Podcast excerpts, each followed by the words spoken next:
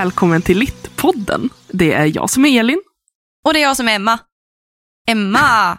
Emma. Emma. Jag försöker få bort det här gnälliga nu. Jag försöker få mig själv att inte säga, och det är jag som är Emma. Men ja, Mm. det, det, jag, kan inte, jag kan inte fokusera för mycket på det där nu. Det är bara för att vara som det är, tänker jag.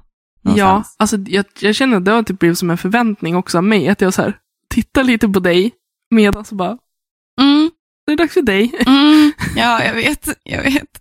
Emma som är alltid väldigt förvirrad och väldigt lite borta, även fast hon har ögonkontakt med människor, har jag märkt att jag är.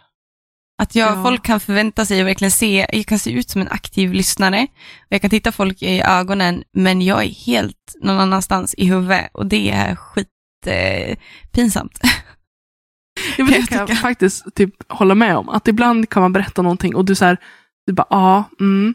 Och sen bara, nej förlåt, jag lyssnade inte. Ja, jag vet. Men, det är därför jag, jag, alltid säger, att, jag, jag, alltså jag vet ju att det har också att göra med att ditt fokus glider iväg ibland. Så att det gör ingenting. Nej, jag, jag, det är bra. Men det är, alltså, jag har ju lagt till den vanan nu att säga, att faktiskt säga förlåt, nu får, Mm. kan du upprepa det, jag, jag, hörde inte, jag lyssnade inte på vad du sa och faktiskt säga att jag lyssnade inte. Jag hörde Nej. inte ett ord vad du sa, för att det är ju det jag, jag lyssnar ju inte. Nej, Förut har jag ju försökt släta över det lite och liksom, jag, har- jag har försökt liksom lista ut vad du sa eller vad någon annan sa, så att jag kan liksom bara snappa upp. ja. Vilket jag är ganska duktig på att faktiskt göra, snappa upp snabbt i konversationer rent så här random. Men det är ju bättre att jag säger att nu har jag faktiskt inte lyssnat. Nej, men jag tänker också att det är mer, alltså det känns bättre också för man märker liksom till slut att om man Ja. berättar något väldigt spännande och man får inte den reaktionen man vill så förstår man att den personen man berättar för inte är riktigt där. Ja, Och då är det ju så här, det är ju bättre att bara, ursäkta jag lyssnade inte, jag, mina tankar var helt annanstans. Ja. Eh, exakt. Ja, Mm.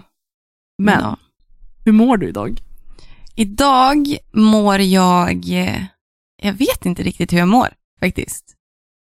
Det har varit en väldigt hektisk vecka. Jag tror Mm. att jag skrivit, alltså så fort någon har skrivit till mig eller hört av sig till mig har jag sagt bara, alltså förlåt, I am swamped. Alltså jag har inte, Nej, du har varit väldigt tyst den här veckan. ja, Men jag ovanligt. vet ju varför, var, alltså varför det har varit så. För att du har ju eh, precis skickat in din kandidatuppsats. Ja, gud, jag tjatar om den jävla uppsatsen hela tiden. Ja, men nu är den ju inlämnad. Nu kan du inte göra något mer. Ja, nu är det- slutinlämningen som åkte in där. Ja, men jag känner på mig att det här kommer gå bra. Ja, alla, alla förutom jag verkar känna det. Så det, det, vi får väl lyssna mer på majoriteten än på, på min magkänsla. Okej. Ja. Mm. Nej, så att jag tror att jag är lite så här, bara lite tom, Mm. helt enkelt, vilket är rätt så skönt. Och sen så tror jag, alltså jag upplever ju någonting idag, det sa jag till dig i morse, att jag upplever någonting idag som jag kanske inte har känt sedan kanske augusti, Mm. eller varit med om sedan augusti. Jag är helt ledig. Mm. Jag har ingenting jag måste göra, måste skriva, måste göra på jobbet. Ingenting. Det är en helt tom lördag förutom det här med podden nu då. Alltså Mm. jag, alla min, mina dagar är ju fyllda. Alltså de är ju fyllda tills de spricker. Så att det är någonting, har gått så sedan augusti. Det är ju liksom, då blir det någonting nytt, tänker jag. Väldigt mycket. ja, verkligen. Eh, men det är ju skönt att Ja. kanske få ta en dag och bara, nej jag har ingenting planerat. Jag har som sagt podden, men alltså det är ju, Det är ju bara kul. ja, Någonstans. alltså det är ju inget måste så, utan det hade vi ju liksom själva bestämt. Ja, och just den här känslan av att jag har, har ingen bok jag skulle ha satt mig ner och läst eller någon text som jag borde passa på att läsa nu när jag är ledig eller något Nej. sånt. Det, det är också så här, det är verkligen tomt. Mm. Jag tror att det är därför det känns som att jag inte riktigt vet hur jag känner, för att jag har väl inte riktigt känt efter, men jag har inte riktigt haft, jag har inte kunnat bry mig om att känna efter. Typ. Så det är, det är skönt, det är sällan tomt i mitt huvud Mm. eller i min, i min kropp eller runt omkring mig. Så det känns ändå, jag tror att det känns okej. Det känns, Mm. det är inte bra, men det känns okej. Nice. Som att det får vara så någon gång ibland. Liksom. Ja. ja. Livet behöver inte alltid vara liksom tjo. Nej, nej jag, och jag har ju en tendens att vara väldigt tjo och tjim. Eh, just för att jag... Alltså, jag kommer fråga hur du mår snart. Men jag pratade med vår kompis Joel Randeblad som också har gästat podden tidigare i höst om en sak igår. Vi hade Zoom klassfest igår och vi skick, han och jag skickades ut i så här breakout, breakout rooms, heter det. Och vi pratade om det där med att vara en person som har mått dåligt. Mm. Eh, att varför man också är en person som kanske då anstränger sig extra mycket med att vara uppmärksam på andra människor och extra mycket på att vara superglad. Alltså inte glättig på det där irriterande sättet, men att vara lite så här um, jag vet inte hur jag ska liksom Ja, men förklara vara liksom lite extra glad. Ja, och även fast jag, alltså jag är i grund och botten en väldigt skojfrisk människa, absolut, men jag kan känna att jag lägger mer fokus och vill hellre att den sidan framhävs hos mig.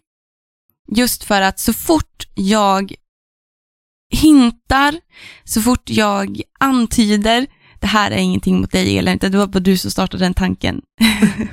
så fort det liksom kommer upp någonstans att det kanske har funnits en snäppet eh, lägre känsla eller snäppet ledsam känsla eller att jag skrev på min Instagram för ett tag sedan att det är okej att gråta men glöm inte bort att dricka vatten och då skrev Elin på en gång för hon är en fantastisk människa och en jättefin vän bara why, why are you crying? How are you? Mm. Liksom.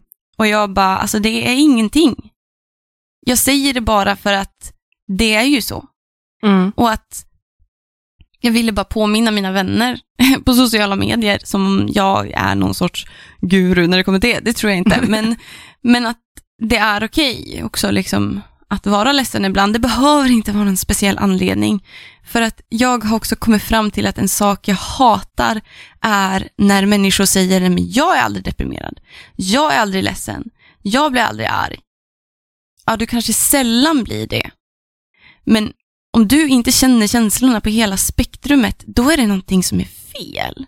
Mm. Men att det betyder inte att det är kris och kalabalik heller. Och det, det var det som jag kände någonstans att jag, vi pratade om det, att kommer det alltid vara en grej för att man har varit ledsen? Att folk, så fort man hintar om att man inte mår jättebra, eller man inte haft en toppendag, man har fan inte toppendagar hela tiden, det är bara så, men det är inte kris och kalabalik för det.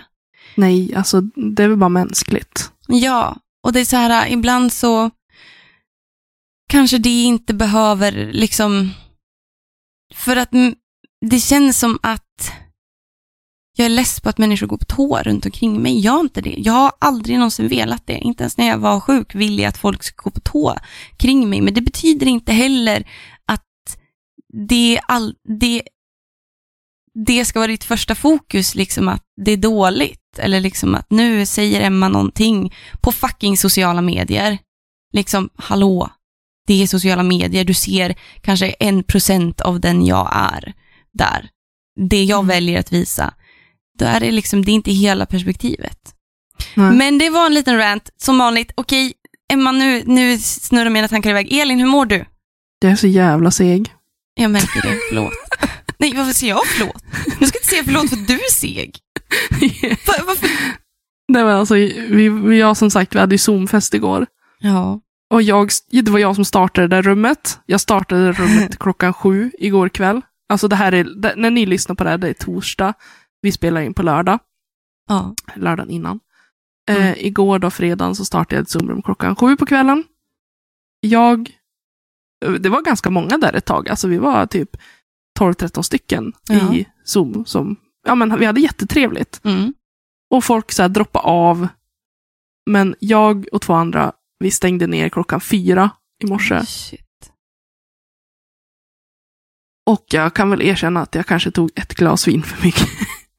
Men, ja. Vi hade jättetrevligt. Det är så sällan man gör något sånt här. Jag tyckte, nej, jag ska ha kul.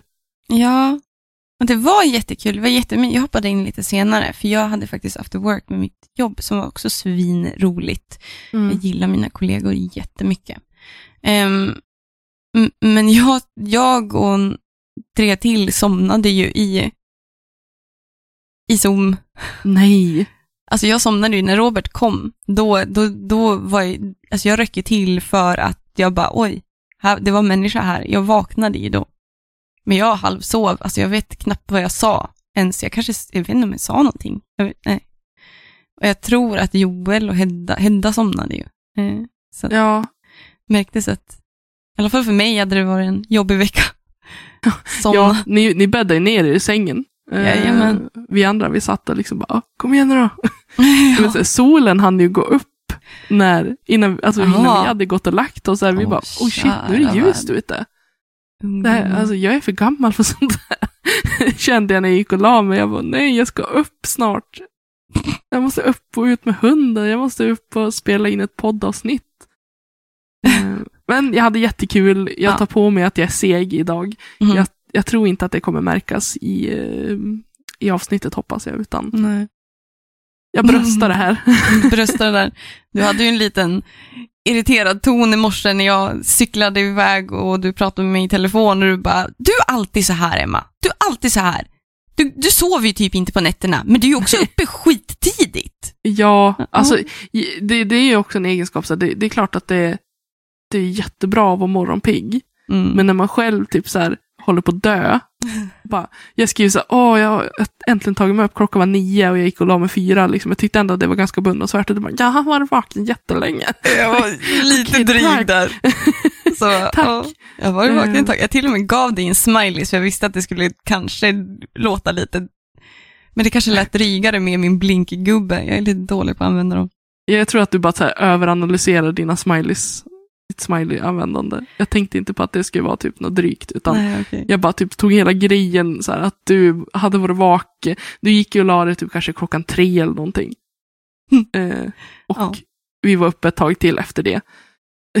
så jag så, fan. Och så var jag uppe, ja, inte uppe då, men jag var ju vaken i alla fall vid sex och läste lite och så. Ja. Nej, jag har det inte gör det sovit bara mycket. värre nu känner jag. Gud, jag har inte sovit så mycket i natt. Nej, shit. Ja, ja, men eh, side note. Det, sömnproblem har man ibland. Okej. Men, ja, det här var ju kanske en, en väldigt, eh, jag vet inte, det här blev en väldigt rörig start. Jag vet inte det finns ju alltid att det är rörigt, men det är okej. Det är Ja, det är okej. rörigt. Det får vara rörigt, som sagt. Ja. Eh, Men, Okej. okej, du får köra då. Mm. Okej, vad ska vi, jag tänkte bara ställa frågan, vad ska vi prata om idag? Du ställer alltid frågan till mig. Okej, men ställ Vad ska vi frågan pr- till mig då. Ja, men Elin, vad ska, vad ska vi prata om idag? Jag vet inte. Nej, Nej, jag skojar bara. Nej. Okej. nej, nej, men vi ska prata om essäer och eh, essäskrivande idag.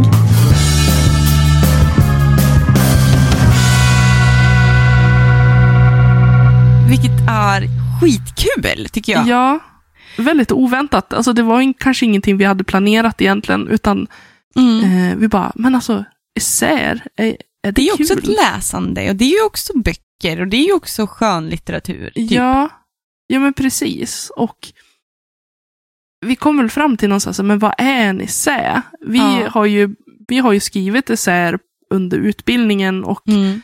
Eh, pratat väldigt mycket om essäer och vi känner väl fortfarande, både jag och Emma, att det är väldigt svårt att greppa vad en essä riktigt innebär. Eller så, vad är en essä? Ja, men du sa ju det liksom att en essä är ju inte riktigt fast i formen.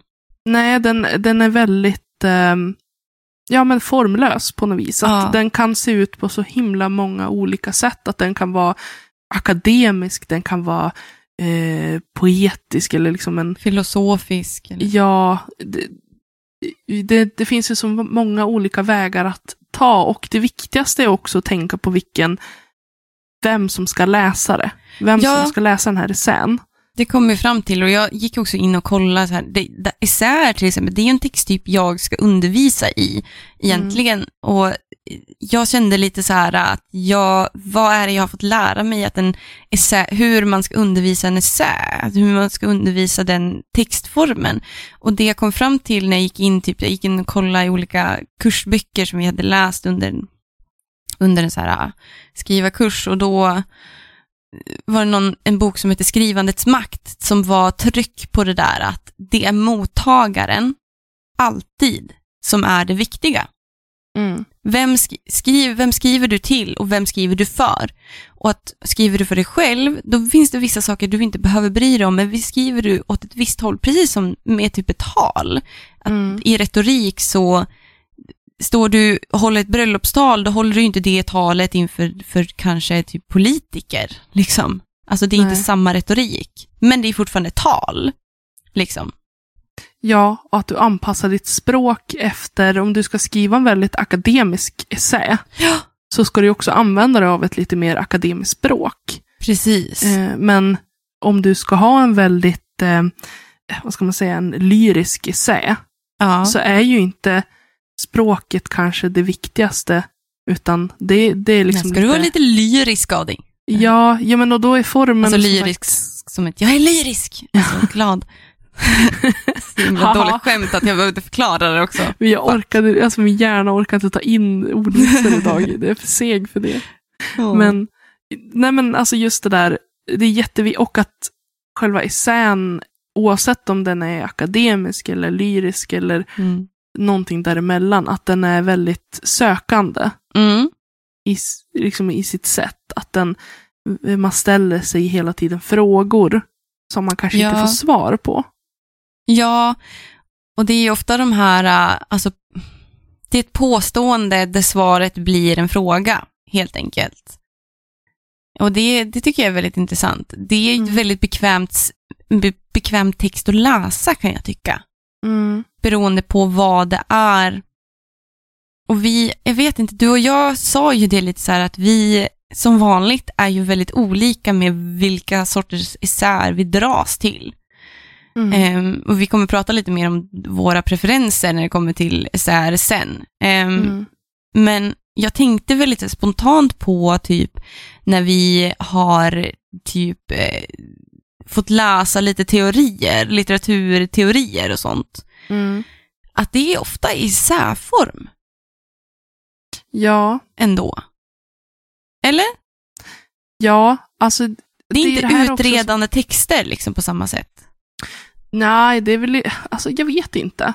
Det är ju väldigt Nej. eh, mycket faktabaserad.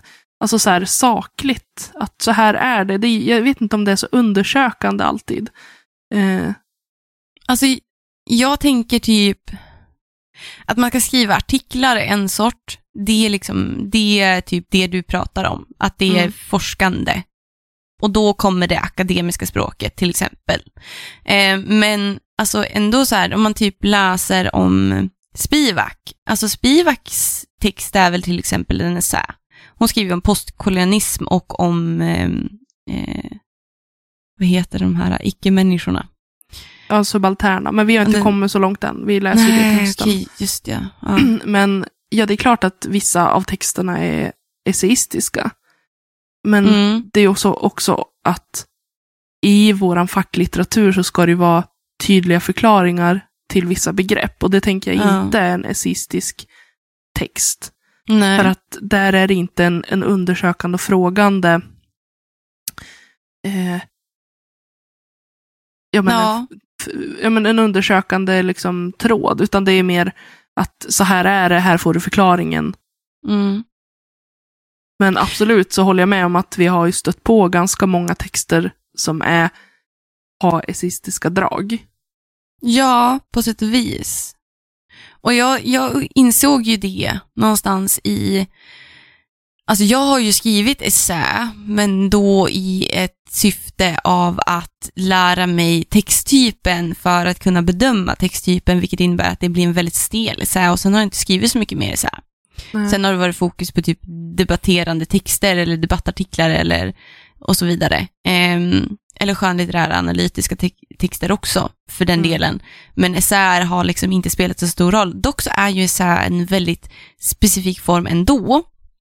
För att när jag började litteraturvetenskapen, den första tentan jag skulle göra var att skriva en essä och jag sitter och bara, jag vet inte hur man skriver en, en essä. Nej. Jag har ingen, ingen aning.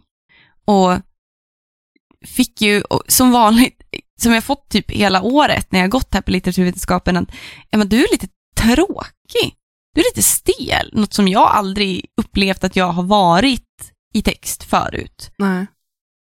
och fick ju upptäcka någonting helt nytt med essäformen. Och jag kan fortfarande inte pinpointa vad det är, men där, där jag kände bara att det här essä, det är ändå någonting jag är rätt duktig på.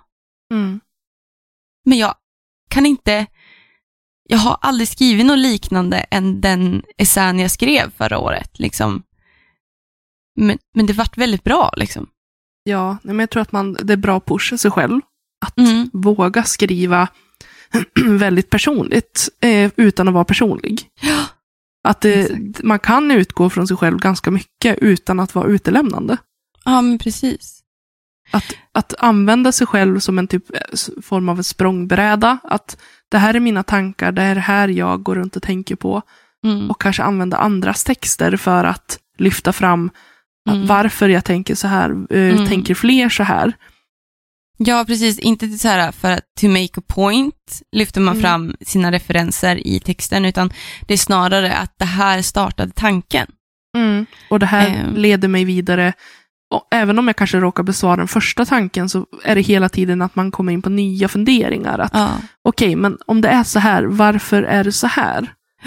Och att det då liksom, det blir liksom inget avslut, utan tanken är väl med den perfekta essän som jag tänker att när du går, eller när du har skrivit klart och Mm. det är någon som läser den här texten, Mm. så ska det väcka en tanke hos den läsaren och att det förs vidare på det sättet. ja, men precis. Men eh, där är ju du och jag också väldigt olika. Mm. Eh, för att vi kan ju prata om första boken då, eller så här, boken vi har läst. Mm. Den Och enda det- boken vi har läst gemensamt faktiskt. Ja, och det är ju min absoluta favorit. Alltså det här är ju typ min lilla bibel som jag har läst flera gånger. Eh, men, och det är ju, nu låter jag tjatig, men det är samma sak med Emma och T.S. Eliot, så är ju Marguerite Duras eh, min T.S. Eliot på ett sätt. Hon har en, en, en samling essäer och som heter, själva samlingen heter då Att skriva. Ja, En väldigt tunn bok, eh, väldigt eh, rosa. Väldigt, Ja, väldigt, väldigt, rosa. Otroligt Vä- rosa. Babyrosa. Min cykel är i samma färg. Ganska nice, eh, lite info. Men I am eh, the cool one here. Nej, det, det är jättecoolt med rosa också. Det är ja, bara jag, jag älskar gillar. min cykel. Jag gillar rosa blommor. Ja. Mm. Men i att skriva i alla fall är väldigt många av de här texterna oerhört personliga. Man kommer verkligen Mm. henne in på livet. Och hon, eh, om man vet någonting om Marguerite Duras så vet man att hon har levt ett väldigt hårt liv. Varit, eh, alltså alkoholi- hon var ju alkoholist. d- använde sex som någon form av ehm, ja. Självskadebeteende. Jag vet inte om det var självskadebeteende, men flykt i alla fall. Alltså, för henne var det väl liksom mer att inte uppleva ensamhet, vilket hon skriver. Hon nämner ensamhet väldigt mycket i den här essän, Mm. vilket jag tog upp i min essä som jag skrev om henne. Det blir väldigt så cirkel, cirkeln slut. Meta. Att jag hade räknat varje gång hon nämnde alltså ord som ensam, ensamhet och eh, ensamma. Och då räknar jag att hon, hon skrev det ordet 83 gånger i olika, böjningar då. Herregud. i en bok de som är 111 sidor lång. Oh, hjälp. Eh, Det vilket är säger därför jag mår mycket. så dåligt. Jag mår så dåligt när jag läser henne. Nej, men just, jag tänker just det, ensamhet är ju uppenbart ett väldigt viktigt spår för henne. Mm. Mm. Eh, och genomgående, och jag vet inte, ska jag läsa upp det där citat, eller det där Ja. stycket? Jag, Ehm, det- är ett- stycke jag fastnar för. Eh, det är väldigt många stycken som är bra här, men det var ett stycke hela jag tycker boken väldigt... tycker Elin är bra. Ja, när hon säger att väldigt många stycken är bra här, det är som att jag säger när jag pratar om The Wasteland. Och min favoritdel är också den här. Och Ja. min favoritdel, det är den här. Det, man kan det inte den. välja. Man Nej, kan, man kan inte. Nej. Men nu ska jag läsa ett stycke här och jag tycker det här är så träffande. När jag gick och la mig gömde jag mitt ansikte för mig själv. Jag var rädd för mig själv. Jag vet inte hur, jag vet inte varför. Det var därför jag drack alkohol innan jag somnade. För att glömma mig själv. Det går genast ut i blodet och sedan somnar man. Alkoholens ensamhet är ångestfylld. Hjärtat, ja just det. Plötsligt slår det mycket fort. Allt skrev när jag skrev i huset. Skrivandet var överallt. När jag träffade vänner kände jag ibland knappt igen dem. Så var det flera år. Svåra år för mig.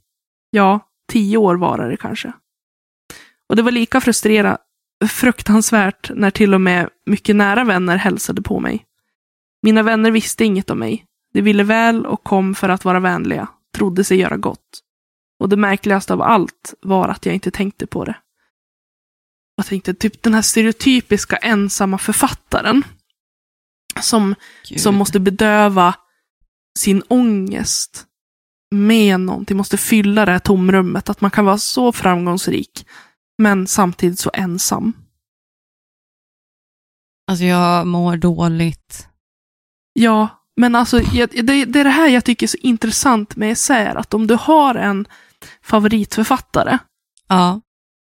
att du kan med en sån här essäsamling komma den här författaren så nära inpå utan att det blir en självbiografi på ett sätt. Alltså det är ju det är väl kanske en självbiografisk essäi, jag vet inte om det finns någonting som heter så, men Jo, men det är det ju också.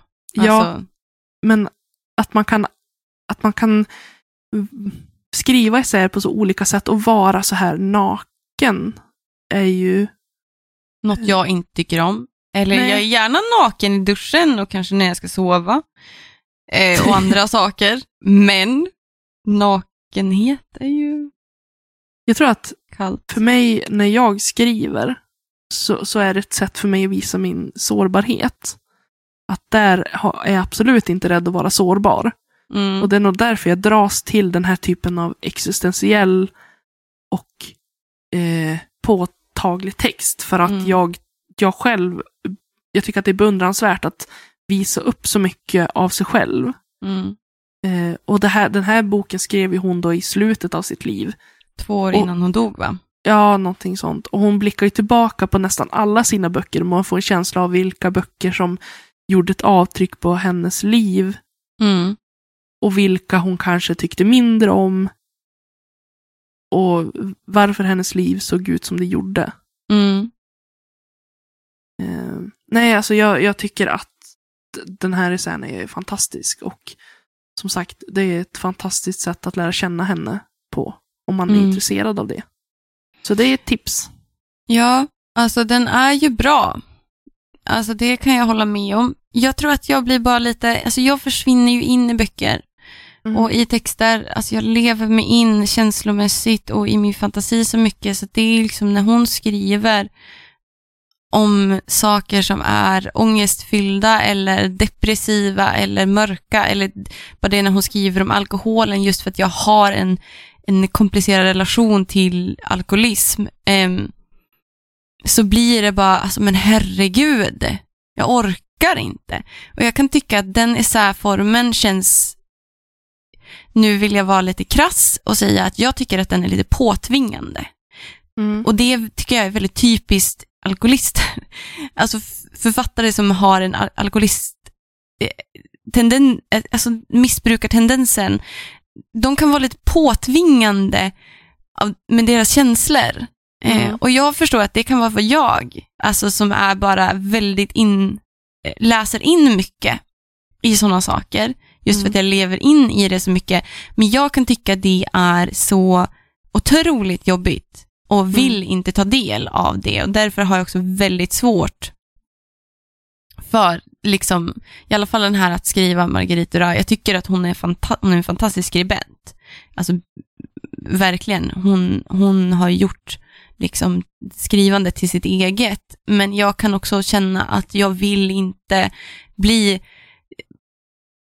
på, vad heter det, påpropsad eh, saker och känslor som inte är mina. Och jag kan tycka att det är otroligt eh, toxic in, in a way och att man kan vara lite toxic. Ja, alltså, ja, men det är också så här vad man har för bagage. Eh, och vad man dras till. Ja, För mig är det ju inte, jag får ju inte den känslan att det är påtvingande. Jag tycker att det är, för mig som sagt, jag tycker att det är beundransvärt att hon vågar vara så öppen. Men om man då har en väldigt problem, problematisk syn, och man har liksom i bagaget eh, trauman på grund av alkohol och Det man- vill jag inte påstå att jag har. Nej men alltså, det- jag, jag pratar rent allmänt. ja. Att om man har, om man tycker att det är triggande att eh, höra om alkoholism eller att man har varit där själv, så förstår jag att det kan uppleva, också upplevas som lite påtvingande. Att så här, jag orkar inte lyssna på någon annans misär. Eh, för att det handlar också väldigt mycket om att eh, alkoholism är ju väldigt svårt. För att på ett sätt så väljer du också att fortsätta dricka. Eh, Nu vill jag bara förtydliga, för att jag får en tvångstanke nu. Jag blir lite stressad. Jag har nämnt det lite förut att det är inte jag som har haft någon alkoholismbakgrund eller missbrukarbakgrund. I'm just saying, I just want to, jag vill bara få ut den noteringen där, utan att det är bara det att det varit i min omgivning, okej? ja, Eh, Emma skitstressad. Nej, men alltså det, det, det tror jag inte någon tänker heller. Utan, men alltså jag tänker rent allmänt att precis som att man kan ha, alltså bes, inte besvärligt, men att man kan tycka att det är jobbigt att höra på andra typer av ämnen för att Mm. man har en viss, ett visst bagage. Mm. Och att alla texter är inte till för alla människor. Det är återigen, vem skriver du för? Mm. Ehm, Och det är den enda delen jag gillar i den här att skriva boken. Är också det jag själv skrev en reflektion över i höstas och då står det, eh, jag tror att hon har, ja det är på baksidan också, mm, eh, men då skriv, säger hon så här, skriva, jag kan inte, ingen kan, det måste sägas, vi kan inte, ändå skriver vi. Det är det okända som man bär inom sig, att skriva är vad som uppnås, det är det eller inget. Man kan tala om skrivandets sjukdom och det tycker jag ändå är en nice del. mm, Ehm, men sen det som jag själv känner är så typ ett råd eller typ en så hint till mig själv från henne. Eh, gällande mitt eget skrivande för att jag är så, så otroligt, eh, alltså otroligt dåligt självförtroende när det kommer till mina egna texter. Då skriver hon så här, skrivande kommer som vinden, det är naket, det är bläck, det är det som skrivs och det passerar som inget annat passerar i livet, inget mer förutom det, livet själv. mm. Så att hon har ju vissa delar som är så riktiga highlights, kan jag tycka. Alltså power in a way. Men jag tänker också att mycket så här att, att vara författare, att skriva och att ha ett intresse för litteratur, det blir väl en väldigt stor del av vem man är. ja, Att man också med det, jag tror att det är nästan en re- mer regel än undantag, att man är väldigt självkritisk mot sina egna texter. mm, Att det är sällan man möter någon som bara, alltså det, jag skriver så jäkla bra. Mm, Jag, jag skriver så fantastiskt, utan det finns alltid nästan så här en, ett litet tvivel på Ja. att, men är det här verkligen bra? mm, Och det är den känslan jag får av henne, liksom att hon, även om hon har lyck, hon lyckades ju verkligen. Hon skrev ju fruktansvärt många böcker och var väldigt liksom stor på sin tid. mm. Och ändå ha det här tvivlet om att jag kan inte skriva, jag, vem är jag liksom? Mm.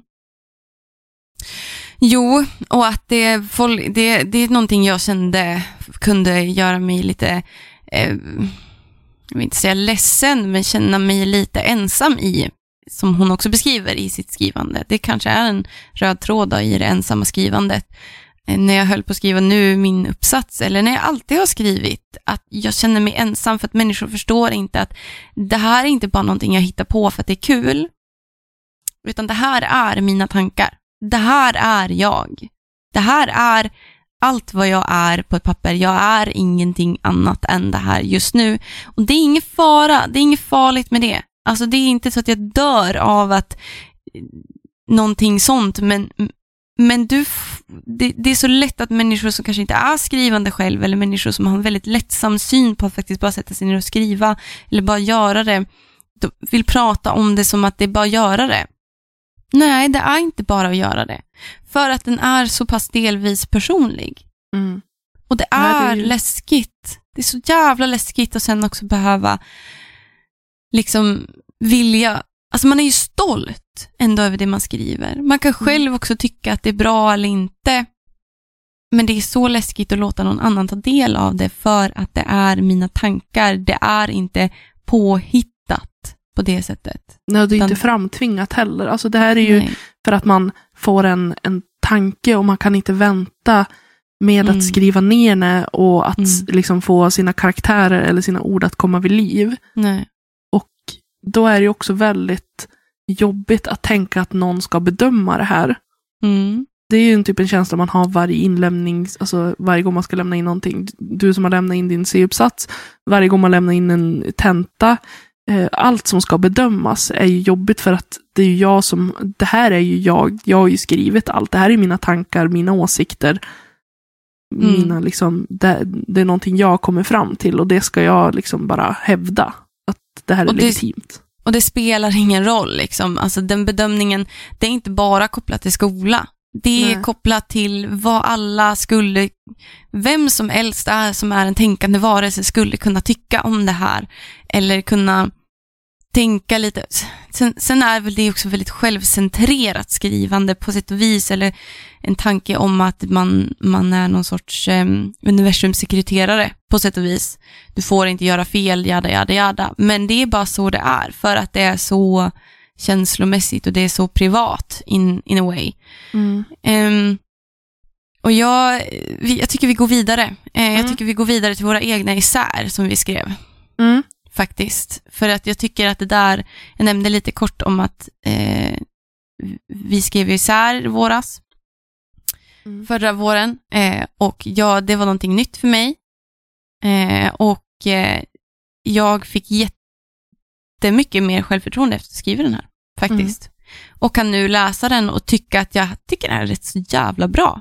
Hur känner du kring din essä som du skrev? Jag tycker också att eh, mina essäer är väldigt bra. Sen skulle jag vilja gå och ändra vissa meningar, eh, vissa typ meningsuppbyggnader och sådär. Eh, men innehållet är jätte, jättebra tycker jag. Jag är väldigt stolt över mina essäer också. Mm. Eh, och just att jag har fått väldigt bra feedback på dem. Ja, det gör ju så jävla mycket. Ge oss snälla ord, positiv uppmuntran, konstruktiv kritik eh, och vi kommer tro att vi står på en bergstopp. Ja. Men det, ju- vi skrev ju om väldigt olika ämnen. Mm. Eh, jag, som sagt, eh, gillar ju det här existentiella eh, livsåskådningen, alltså att man, man pratar om livet och Ja. eh, min första essä var ju mer att man skulle koppla, eh, vi skulle skriva om en skön litterär bok som vi hade under kursen, så att det var ju väldigt, ehm, det, det var ju väl inte så fritt kanske, Nej. men det blev väldigt enkelt för mig för att det var ju där jag stötte på älskaren. Och, eh, men då... Nej, det var så här, man skulle inte... Ja, jag minns inte hur det var, men det slutade med att jag eh, skrev om en annan bok av Durara som jag inte hade läst och det var Vicekonsuln. Mm. Och kopplade den till den här essäsamlingen som vi nyss pratade om. Mm. Och som sagt, jag, jag går ju utgår ifrån då att ordet ensam och ensamhet och att det genomsyrar även boken. Mm. Och att, att Dura sätter sig själv i sina karaktärer på sätt. Mm. Eh, och det gör hon med väldigt många av sina böcker. Mm. Eh, och ja, när jag blev väldigt nöjd med den essän. Men sen den essä jag är mest nöjd med tror jag, det är en, en väldigt, väldigt personlig essä. Och det, den skrev jag efter att min farmor hade gått bort. Mm. Där jag, jag började egentligen med att beskriva en dröm jag hade. Jag, jag drömde väldigt mycket efter när farmor dog. Mm. Och framförallt en dröm där vi möts på en buss. Det här var bara någon dag efter hon hade gått bort. Mm. Eh, och att eh, ja, men vi möts och att jag, jag ska hoppa av på en busshållplats. Hon bara, eh, och då frågar jag, ska inte du med? Och sa, nej men det här är Mm. din hållplats. Jag ska åka vidare. Mm. Och det födde en tanke i mig, att det le- leder ju mig in på eh, det mer existentiella här då. Mm. Livet och döden, vad händer efter döden? Mm. Eh, för du och jag har ju pratat väldigt mycket om religion Mm. och att jag ser mig själv, jag är ju väldigt, jag vet ju inte vad jag tror på riktigt, vilket betyder att jag är typ en agnostiker. Att jag, jag kan Nej, inte, en, agnostiker är väl en sån som, det spelar ingen roll om Gud skulle finnas, du skulle ändå förneka han. Tror jag. nej inte agnostiker, att man inte vet. Mm, Ja, det kanske är så. Eller har för mig i alla fall. Men i alla fall, jag vet inte riktigt. Jag, jag är inte säker på vad jag tror eller så. Men jag tar avstamp i det i alla fall. Mm. Ehm, och så här, men vad händer om, om Gud finns? Och vad händer om Gud inte finns? Hur lever vi våra liv?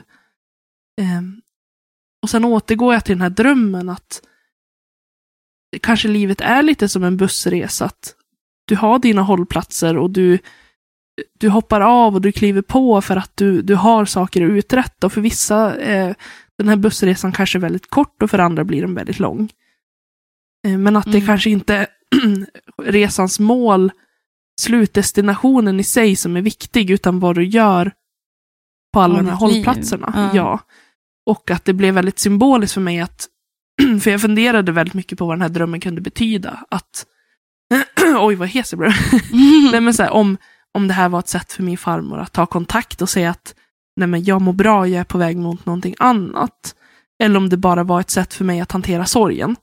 Mm. Men huvudsaken, eller det som spelar roll är väl egentligen inte det, utan eh, att, ja, men mer att man kan uppskatta livet här och nu. Och att det inte, det, det spelar ingen roll. Mm. Utan har jag, har jag mitt liv här och nu och jag gör någonting utav det så är det det som ska spela roll. Mm. Och- det var ju någonting du liksom kom fram till under tiden du skrev Ja, i den här formen. Och kanske, jag vet inte, för jag kommer lite ihåg att vi pratat om just att det där var också någonting som du kom fram till efter att du läste din egen essä. Vad hade jag än skrivit? Att du bara läste och läste, läste, läste, läste. Att det är väldigt speciellt det där, att det är en grej att skriva det. Det är då man resonerar. Men Mm. det är också sen när man får se det framför sig som man bara, aha, mm, det är så här mina tankar går. Och så vill man läsa igen. Och Mm. beroende på hur språket ser ut och om man tycker om det man har skrivit så läser man det kanske återkommande. mm. Lite som en dagbok kan jag tycka essäformerna på sätt Ja. och vis. Jo, för att jag kommer ju inte fram till vad jag tror på. Jag är fortfarande lika fundersam som när jag började skriva.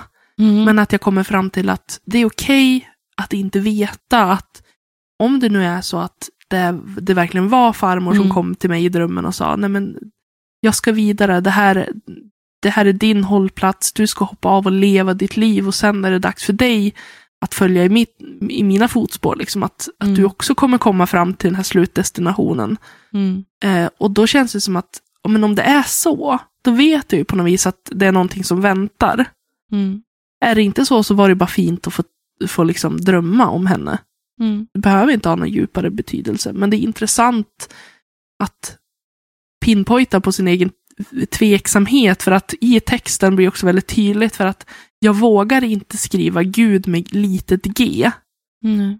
för att jag tror att det kan ha en betydelse. Att, typ att jag vet inte om jag tror på Gud, men samtidigt så vågar jag inte skriva Gud med litet g, för att det känns som att typ då är respektlös, förstår du vad jag menar? Och att jag också prat, jag pratar i texten om det. Nu, ska, tecken- nu skrattar jag lite åt Elin och Elin flinar lite åt mig också för jag, själv- jag är ju kristen. Så ja, att jag, jag, förstår, jag kan förstå och ha empati för den sortens eh, kulturell eh, kunskap som du har blivit inpräntad från. Men och så tycker jag det är lite så här kul löjligt för att bara, ja, världen, alltså om man nu tror på Gud, alltså den all- allsmäktige guden, tro att det sista han bekymrar sig över är faktiskt Ja, men alltså, jag, vet, jag vet det. Jag vet det, det är liksom så här, att det inte, men samtidigt så blir man, som du säger, att det är så inpräntat att man ska vara respektfull. Mm. Så att man blir så här, I kyrkan tar man av hatten. ja men typ så att man, ja men alltså, jag tänker att då har jag åtminstone ryggen fri. Mm. Att jag på något vis har varit Jag kan inte hamna i helvete för den sakens skull i Nej, alla fall. Precis, sen kan jag ha- hamna i Helvete. för allt annat. Men inte för att jag skrev Gud med litet g, utan att jag bara, jag skrev Gud med ett stort G och det var viktigt. Ja, jag, men, ja. Nej men det, det är väl typ den essens som betyder mest för mig, eh, för att den är ju också väldigt personlig. Eh, Mm. Väldigt på ett sätt naken, att jag delar med mig av min sorg ja. Men då, om vi går vidare till din essä, så är den inte lika, eh, lika personlig och sårbar på det sättet i alla fall. Nej, jag är ju lite så här att jag är en person som eh, alltså jag absolut har väl existentiella, om något har, har väl jag också existentiella komplex, men jag tror att inte på den nivån som du har, jag är inte lika sökande som du är, Nej. mycket på grund av att jag är kristen. Jag är liksom säker på min egen övertygelse, eh, har alltid varit andligt övertygad om saker och sen så vill jag inte, vem, ja, okej, fråga mig om du vill veta någonting, jag behöver inte skriva om det och resonera om det på det samma sätt som du gör. Ehm, så jag är ju istället väldigt intresserad av eh, människan eh, och de samhälleliga strukturerna. Eh, delvis då i litteratur. Så att jag skrev faktiskt en, en, en essä eh, som var lite magstark kanske. Eh, när man har gått ett tag på litteraturvetenskapen så har man ju fattat det som att det här med höga och låga böcker och kanon och sådana saker är ett jävligt känsligt ämne. Fy fan vad folk kan få en pinne upp i arslet när man bara andas det. Det är ju, ja, jag vet Ja, inte. du kanske stack ut hakan lite väl mycket i din essä, men att det också var väldigt, det, det är väldigt spännande också. Ja, för att det togs emot väldigt bra av våran lärare. Hon var väldigt så här, eh, eh, hon tyckte det var, jag eh, pratar ju, den heter ju Det öde landets höga och låga böcker. Ett brev till flickan som sitter gömd mellan palmen och fantasyhyllan på Kalknäs skolbibliotek. Eh, min essä är ju väl, var ju någonting som var lite av en, en, ett utforskande av det här, den här genren. Mm. Ehm, och efter att ha skickat in min typ, vad ska man säga, my first draft eller liksom min, min tankegång till vår lärare så sa hon det att bara kör brevformen och jag satt där och bara, jaha, skriver jag, skriver jag brevform? Var det det jag gjorde? ja men då, då, då, vad menar hon med brevform? Ehm, ja men okej, okej brevform är ju tilltal till någon eh, annan och då får jag också använda så här first pronoun, eh, first person pronoun, eh, vad heter det, jag-form. Jag-form. Precis. Eh, men det, det går väl. Ehm, och så. Och det var väldigt svårt för att jag, det var länge sedan jag skrev i jag-form så att jag slet håret väldigt mycket över det där och så. Men eh, jag tyckte, jag tyckte det var lite kul för att jag fick ta en fight som ingen vill ta och lyfta de här grejerna för att folk aldrig vill prata om att det finns en värdering. Det finns en värdering! Har man en gång satt det fucking begreppet, har man en gång värderat en sak, fattar ni hur jävla svårt det är att ta bort den värderingen? Den bara är där och det Mm. gör mig så otroligt irriterad. Ingen vill prata om det. De vill heller bara säga, nej men det, det har funnits men det finns inte längre väl. Vi använder allt det här och där och där. Vi använder Harley Quinn-böcker i högstadiet. Ja, men en värdering handlar ju inte om att du faktiskt använder den. En värdering är ju perso- personliga åsikter som du sen liksom trycker på andra människor. Så att fine, du kanske tar in en, en härlig ungdoms tonårskärleksnovell i högstadiet. Men om du gör det med missnöjsam min, då har du lagt ett värde i den. Så Mm. shut the fuck up. Du, vi kan inte säga att vi inte har en värdering när det fucking finns en värdering. Det är bara det att alla är så jävla feg och tror att det här är sättet man tar bort värderingen. Okej, förlåt. Jag Man jävla märker irriterad. att det här är typ en hjärtefråga hos Emma, för hon blir alltså arg när hon pratar om det. Ja, men det är också samma sak med den, jag läste en, en essäsamling som heter The Geek Feminist eh, Revolution av Cameron Hurling eh, och hennes essä om det kvinnliga narrativet, där hon menar på att ehm, Pratar vi om att lamor alla har fjäll, alltså sitter vi och skriver som skönlitteratur, sitter vi och skriver fiktioner och det, alla sitter och skriver om att lamor har fjäll, alltså inte är håriga utan har fjäll och säger vi att de alla är kannibaler och äter upp sina barn. Har vi skrivit det för många gånger, till slut kommer vi ju titta på lamorna i verkliga livet och säga att, ja, och känna oss lite osäker kring, känna oss lite rädd för de lamorna. Eller vi Mm. blir lite chockade av att se att de har fucking inte fjäll. De, de äter fan inte sina barn. Så att jag fastnar väldigt mycket i sådana essäer och den essäformen är också någonting jag är väldigt duktig på att skriva i. Mm. Och jag skrev väldigt mycket om det här med just populärlitteratur, om litterär överklass. Att eh, eh, jag bytte ut den boken dock i San, jag, för att jag höll på att skriva om Stephen King som vanligt. Hahaha. eh, och eh, det kopplade, det första jag gjorde var att koppla till en anekdot när jag var liten, att jag hade hittat en bok i min mammas bokhylla och i San säger jag att det är Dimman, men det egentligen var Röd drake om Hannibal Lecter. Mm. Eh, men jag vill inte skriva det för att jag vill koppla. Det är ju lite det som är roligt med essäformen, det behöver inte vara helt igenom sant. Det är, vilket är jättedumt, att om någon läser min essä så kommer jag ju ha ett fruktansvärt dåligt etos nu. Eh, skitsamma, jag är transparent. transparent. Eh, I alla fall, och min mamma, jag var ju jätteliten, jag var typ 8, 9, där någonstans, kanske 10 år gammal. Och mamma tog den boken och faktiskt slängde den. Och min mamma är ju inte alls så där att hon tycker att man ska läsa allt. Och ja, den, den händelsen har jag funderat över väldigt mycket. Och det var samma sak eh, hände det av min, mina lärare som tyckte att jag inte skulle, alltså på mellanstadiet tyckte att jag inte skulle läsa det jag läste. Och varför då? Så jag började fråga det, liksom, hur kommer det sig att min mamma faktiskt slängde boken? Och så säger jag, liksom, varför ska du som läser det här brevet slänga dig efter den här boken och fortsätta låta dig slukas av den? Och att det jag ville förmedla med min text är liksom att vi kan hitta allt i olika texter. Mm. Eh, och då så påpekar jag också lite så här finkänsligt och det är det jag menar med att jag sticker ut hakan lite. Att vi har ju Harold Bloom som är den som typ liksom var den som skapade den västerländska kanon, eller satte den ner den i text och sa vad det var. Mm. Och jag måste få citera mig själv men jag får vara så jävla kaxig. För fan vad kaxig jag är. Citera um, Harold Bloom skriver i boken Den västerländska kanon att det som kanons in, indelning bygger på är faktiskt nördar. Och så citerar jag han, eller fanatiska läsare sedan de var små.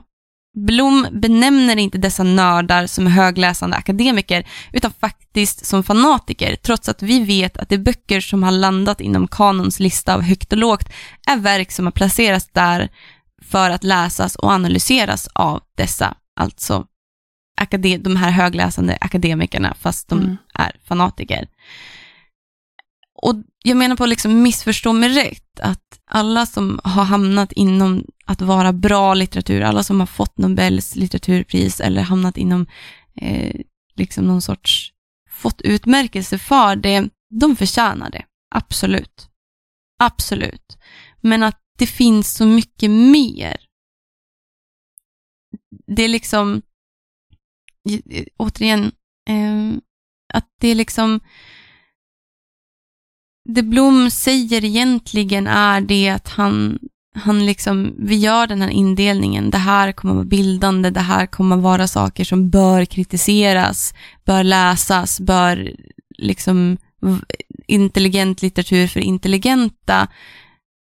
Och jag säger lite, jag sticker ut hakan ännu mer i min essä och säger att Come at me bro liksom, nu har ni gjort det, nu har ni ju gjort det här, nu har ni analyserat och ni har läst och ni baserar utbildningar på intelligent litteratur för intelligenta. Um, vad händer om ni tar den här litteraturen som ni tycker inte är intelligent då? Mm. Som ni tycker är lite, lite annars, eller lite dålig? Litteraturböcker som är dåligt skrivna på det sättet att dålig grammatik eller som inte använder sig av höga akademiska ord eller inte är späckade med metaforer och allitteration eller allusion eller som, som bara är vad det är. Bara en skitdålig berättelse, vad hittar du där? Mm. Är inte det ett, ett mer intressant, en mer intressant berättelse, en mer intressant text att analysera faktiskt? Ja, Alltså att våga kan... gå utanför den typen av böcker man annars läser.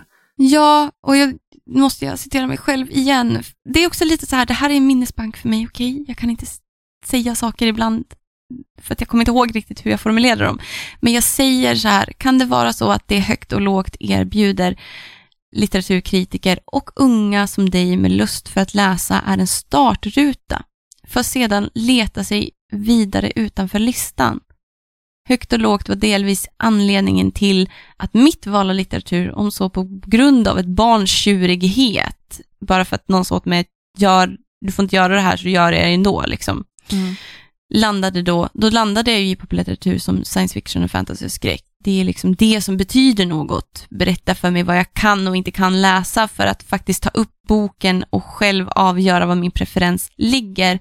Det här är liksom varför, varför? Eh, preferenser för både högt och lågt spelar ingen roll så länge författaren död som levande får din hjärna och ditt hjärta darra av skräck, spänning och fängslande formuleringar. Och det, det är en preferens. Mm. Det är inte bra och dåliga texter. Och att jag tyckte det var väldigt kul. Mm. Att ranta lite så i en, i en text och sen också vara lite hård. Ja. Med att det är liksom, jag var inte lika existentiell som dig. Jag var snarare så här, här är dina nycklar, här är dina dörrar. De är så jävla obvious, men fan jag skriver en lista på dem också då. Mm. Jo, men jag tror också att det behövs komma in personer med just de här åsikterna mm. i den akademiska världen och i den litterära världen som ja. visar på att det är okej att bara läsa science fiction, till exempel. Du Mm. behöver inte sitta och läsa lyrik framför brasan eh, med ett glas eh, dyrt vin liksom för att platsa in i den här världen, utan Mm. läsning är så mycket mer än bara genrerna, utan det, det är den glädje du känner av att läsa. Mm. Det är Mm. det som är viktigt. Och att det är det som Ja. man kanske måste trycka på ibland. Mm.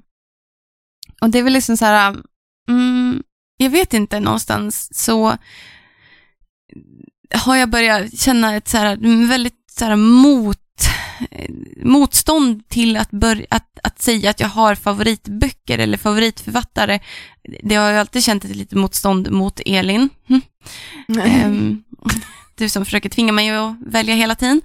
För Ja, att... ursäkta att jag lyckades få dig att välja mellan Stephen King och T.S. Eliot i förra avsnittet. Alltså ni vet inte hur mycket jag fått käka upp efter det. Mm, nej, så är det. Så går det. Nej men att det är liksom hel, alltså det går, essäformen är, är ju ett resonerande. Det har vi någonstans kommit fram till.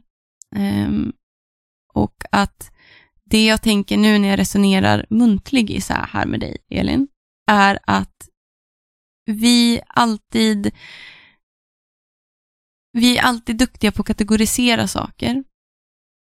Och vi är alltid duktiga på att vilja alltså, gen- genrerisera, alltså dela in böcker och berättande i genrer för att det är lättare att förstå, för att vi är rädda för saker vi inte förstår. Eh, och när vi är rädda för saker så vill vi hålla det på avstånd helt enkelt. Och jag tar upp den här Cameron Hurley igen för att hon menar ju på det, vi kan inte fortsätta kategorisera in saker i att hon pratar om att män, när man säger soldat så tänker man automatiskt på en man, men det stämmer ju inte. Rent historiskt stämmer det inte alls. Vi kvinnor var lika mycket soldater som män. Liksom, hon nämner ju att det, var flera år efter man hade grävt upp vikingagravar som man faktiskt insåg att det fucking var kvinnor, de här skeletten och inte män, för att man hade antagit att det var män på grund av svärd. Um, och att att kategorisera, att, att göra det, att dela in saker i genrer totalt, um, gör att vi, vi inte kan känna oss fria att ändra åsikt eller att utveckla våra åsikter och så vidare. Och att det i sig automatiskt leder till ett exkluderande av narrativ. Och det är liksom jag vet väldigt säkert vad jag inte tycker om. Jag vet väldigt säkert liksom vad jag inte föredrar i böcker. Vad jag, vad, jag vet vad jag tycker om August Strindberg. Jag vet vad andra tycker om August Strindberg också. Det är så det är. Um, men det betyder inte att jag inte läser han ibland. Och att det betyder inte heller att jag föredrar att läsa liksom att det är det enda jag läser är science fiction. Det är bara det jag tycker om. Jag tar det jag känner mig sugen på. Och att essäformen är lite så i sitt skrivande också, att essäformen kanske inte ska vara fast form. Nej. För att om vi sätter den i genren, om vi bestämmer att så här skriver man en essä, då tappar vi ju resonerandet. Vi tappar den här friheten att både skriva det existentiella som du pratade om i Marguerite Duras, men vi tappar ju också det här uh, sticka ut hakan eh, skrivandet som jag och den här Cameron Hurley tycker om Mm. att skriva. Ja, men det är ju bra att det finns ett sätt att skriva för alla känner jag. Precis som det Ja. är bra att det finns någonting att läsa för alla. Ja, men verkligen. Och jag tror att vi måste verkligen fokusera på det. Jag tänker arbeta hårdare på att faktiskt säga nej Elin, jag vill inte välja, nu går vi vidare. Gud, det var en rolig grej, släpp det. Det är inte så att vi kommer tvinga dig att välja. Nej, ändå har det hänt några gånger. Nej men jag skojar, jag är jättedryg, jag skämtar med dig. Förlåt. Ursäkta för att jag har humor idag, inte du. Sov bättre. Jag har inte typ sovit. Suck it up bitch. Björts. Du, du valde dig själv. Mm. Mm, Jo, det gjorde jag. Det gjorde jag. Men jag hade kul. Nu Men- har vi surrat jättemycket om här. Det fanns Ja. jättemycket att prata om. Ja, jag trodde inte att vi ska ha, alltså jag trodde ju att vi skulle ha mycket att prata om. Jag tror inte att vi ska ha så här mycket att prata om. Nej. Så att vi bara gled över typ en timme och bara, Och bara, ja. Men alltså vi gillar ju så här formen. ja, Eh, vi gillar läs, vi lä, läser gärna sådana här texter och vi skriver gärna sådana här texter. Och mm, Jag vet inte om ni som lyssnar på oss, om ni också skriver isär, vad, vad liksom, tycker ni om det? Eller föredrar ni att bara skriva berättelser eller sagor eller vad som helst? Det är ju Mm. jättekul att höra också. Alltså det får ni jättegärna säga. Och ge som vanligt lite konstruktiv kritik och lite feedback. Vi älskar feedback jättemycket. Om ni, och, och är det liksom så här, har ni frågor som ni vill att vi tar upp i podden, eh, så skriv de frågorna till oss och liksom skriv också en notering att det här vill vi att ni tar upp i podden. mm. Eh, och så. Det vore ju skitkul. Vi har ju ställt frågan förut, för- bara för att göra det kort, att vi har fått era förslag på vad vi ska prata om och vi har skrivit upp det i kalendern. Vi har planerat Mm. in eh, utefter när det passar och hur vi ska lägga upp det. Så Mm-mm. ni vet att vi lyssnar på er i alla fall. Vi har er. Vi har bara varit väldigt oaktiva och jättetråkiga människor på Instagram och på Facebook. Men eh, bara för att typ så här, kanske ni känner er lockade att fortsätta lyssna, tänker jag. För jag är alltid osäker på sådana saker. Em, vi har en jättestor överraskning eh, framöver. Em, Som jag inte vågar säga någonting mer om, men som jag hoppas att ni kommer uppskatta väldigt, väldigt mycket. Mm.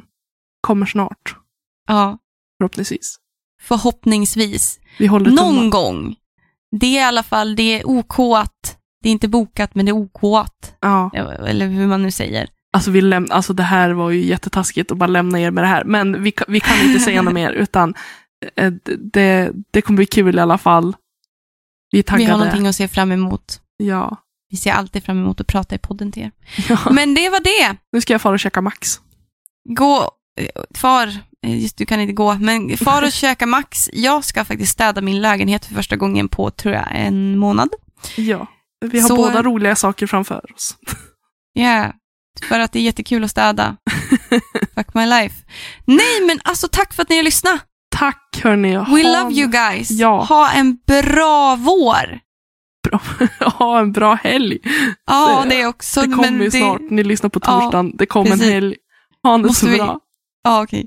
Hej då. Hej då. Hej. Hej.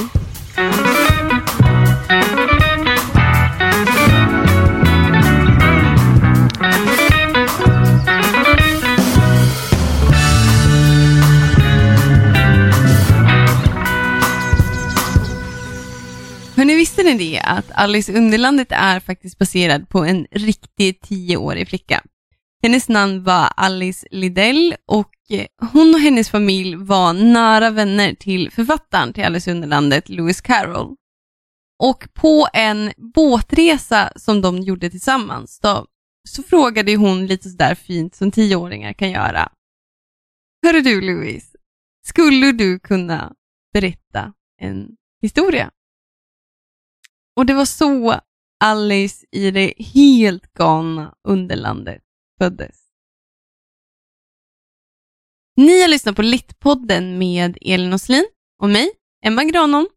Musik och klipp av Magnus Kjellson och Robert Granholm. Management av Ida Berglund. Tack hörni, för att ni har lyssnat.